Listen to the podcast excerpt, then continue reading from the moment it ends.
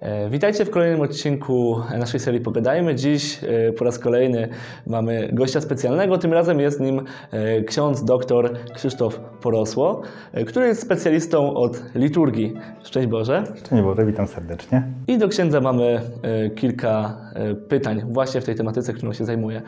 Zacznijmy od rzeczy bardziej e, aktualnych. Jakiś czas temu papież Franciszek wprowadził pewną e, zmianę w Kościele dotyczącą roli kobiet e, przy posłudze e, akolity. Tak? Na czym ta zmiana polegała? Gdyby mógł nam to ksiądz w jakiś sposób wytłumaczyć. Rozumiem, że tak w miarę krótko. Tak. Okej. E, Zasadniczo chodzi tak naprawdę o zmianę, jeśli chodzi o kodeks prawa kanonicznego, jednego słowa. W jednym z kanonów była mowa o tym, że świeccy mężczyźni mogą wykonywać posługę akolity i lektora w kościele.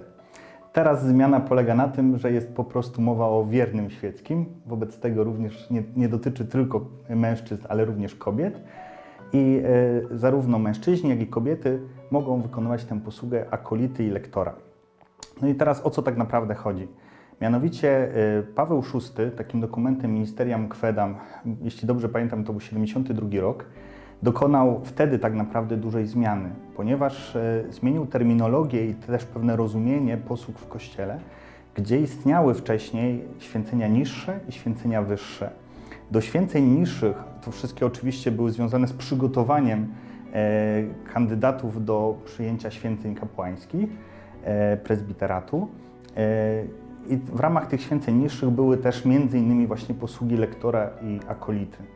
Natomiast Paweł VI zmienił to w ten sposób, że zaczął mówić o posługach lektora i akolity i o święceniach już bez rozróżniania na niższe i wyższe, do których to należą trzy stopnie diakonatu, prezbiteratu i święcenia biskupie. E, I tak naprawdę to papież Paweł VI sprowadził dużą zmianę, dlatego że po raz pierwszy pozwolił na e, przyjęcie tego błogosławieństwa, tak naprawdę ustanowienie do tej posługi osoby świeckie, które nie przygotowują się do przyjęcia sakramentu święceń. No i e, w praktyce tylko kilka diecezji w Polsce na razie wprowadziło taką możliwość w ogóle dla mężczyzn. Teraz jeszcze dojdzie do tego e, wprowadzenie też dla kobiet takiej możliwości. E, I na co jeszcze warto zwrócić uwagę? Myślę, że na to, że, że naj- najczęściej słysząc słowo lektor, kojarzymy chłopaków w parafii, którzy w białych albach czytają czytania. E, Formalnie oni nazywają się ministrantami Słowa Bożego i przyjmują błogosławieństwo jako tako, takie pozwolenie do wykonywania pewnej funkcji w liturgii ze strony Kościoła i błogosławieństwo do tego, a różnica jest taka, że posługa lektora jest już e, takim ustanowieniem pewnej właśnie posługi w Kościele jako swojego powołania dla wspólnoty Kościoła, stałego błogosławieństwa, które e, tę osobę dedykuje do wykonywania tych, takiej posługi i lektora, i, i akolity. Jeśli chodzi o akolity, no to przede wszystkim są to posługi związane z, z Eucharystią, pomoc diakonowi i prezbiterowi, ale również jest nadzwyczajnym szafarzem Komunii Świętej, więc może udzielać komunię, również może e, tę komunię zanosić do chorych, ale to również e, jest możliwość prowadzenia jakichś nabożeństw, łącznie z tym, że możliwość odprowadzenia zmarłego na wieczne spoczywanie na cmentarzu, więc tę ostatnią stację liturgii pogrzebowej, więc tych, tych funkcji, które może pełnić w ramach swojej posługi jest znacznie więcej. Dziękujemy. E, A teraz wchodząc trochę w taką naszą codzienność. e, Tak jak mówiliśmy, będziemy roz- rozmawiać trochę o liturgii, o mszy świętej. O czym powinniśmy pamiętać, będąc na mszy świętej, o czym może nie mówi się na co dzień? Jakaś taka rzecz e, ważna, ale jednak, e, która gdzieś e, może w takiej codzienności może nam, umk- może nam umknąć. To chyba taka najważniejsza rzecz, która mi przychodzi do głowy, jest związana z tym, że bardzo rzadko się mówi o tym, że to nie my jesteśmy najważniejszym podmiotem liturgii, ale najważniejszym podmiotem jest y, Jezus Chrystus, którego to jest dzieło.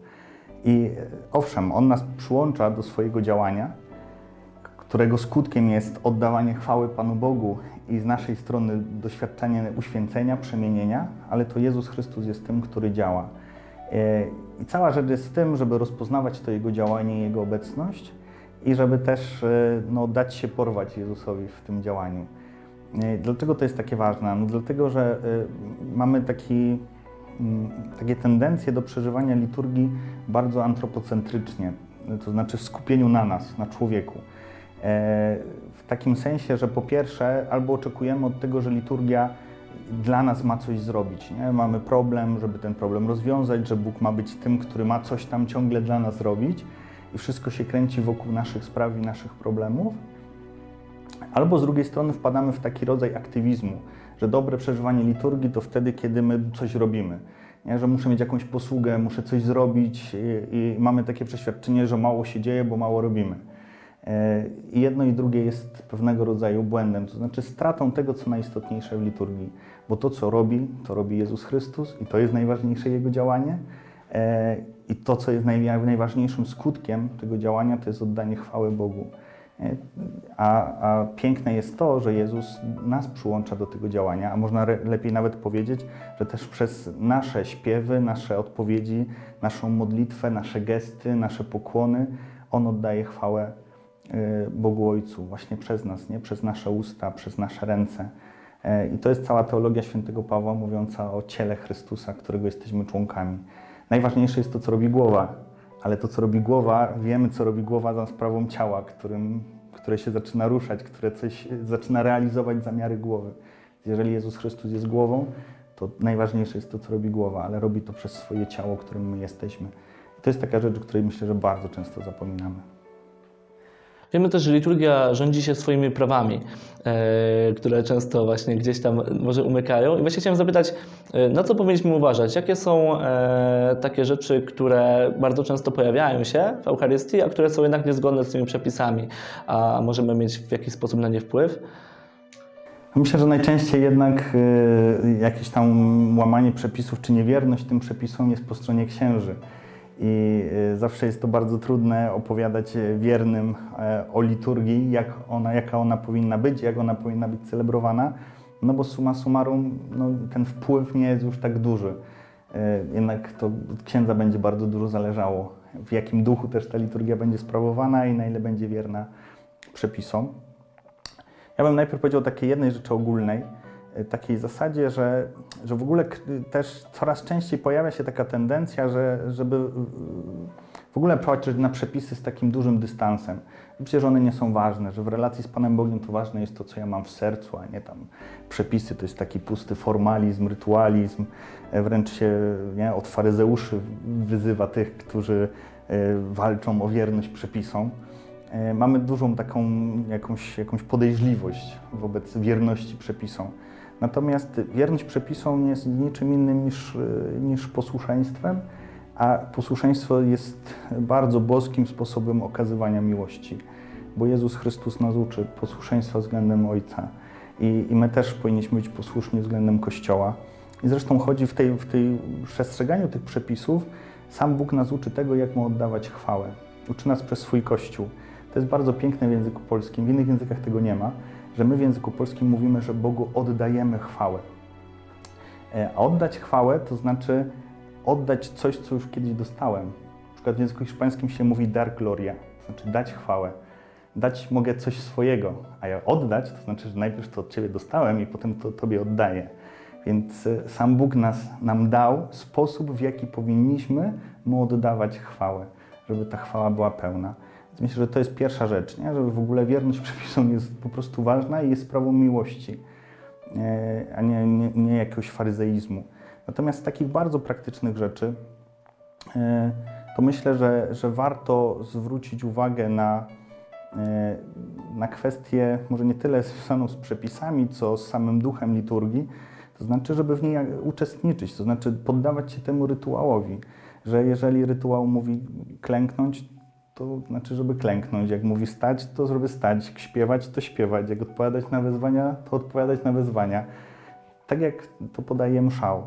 E, bo ja jako ksiądz mam bardzo często takie doświadczenie, że wierni niekoniecznie uczestniczą w sensie poddając się temu, temu rytuałowi. Że czasami sam sobie muszę odpowiedzieć z duchem Twoim, bo nie bardzo ma mi kto odpowiedzieć. E, więc pierwszy sposób najpełniejszy to jest po prostu poddać się temu, jak nas prowadzi rytuał. I, i, I, jest takie piękne, piękne powiedzenie ojców pustyni, które ja bardzo lubię. Jak siedzisz, to usiądź. To znaczy, y, tak siedź, żebyś wiedział, że siedzisz. To znaczy, rób to całym sercem, całym sobą. Wejdź to w stu procentach. W każdy najmniejszy gest, każdy najmniejszy e, element liturgii. No i trzecia rzecz to taka, żeby, żeby do liturgii nic nie dodawać. To znów w większości dotyczy to księży ta uwaga. Czyli księża są często animatorami liturgii, a nie celebrancami. Ale wiernym też się to czasami zdarza, że próbują właśnie gdzieś tam, szczególnie w jakichś grupach, e, uatrakcyjnić ją, nie? jakby sprawić, żeby ta liturgia była atrakcyjniejsza dla jakiejś grupy, dla młodzieży, dla, nie? dla, dla wspólnoty, a to jest zupełnie błędny kierunek. Przyjąć liturgię taką, jaką jest. Ona nie wymaga uatrakcyjnienia. Prostu raczej wejść forma, przez formację w jej głąb, niż ją ciągle zmieniać.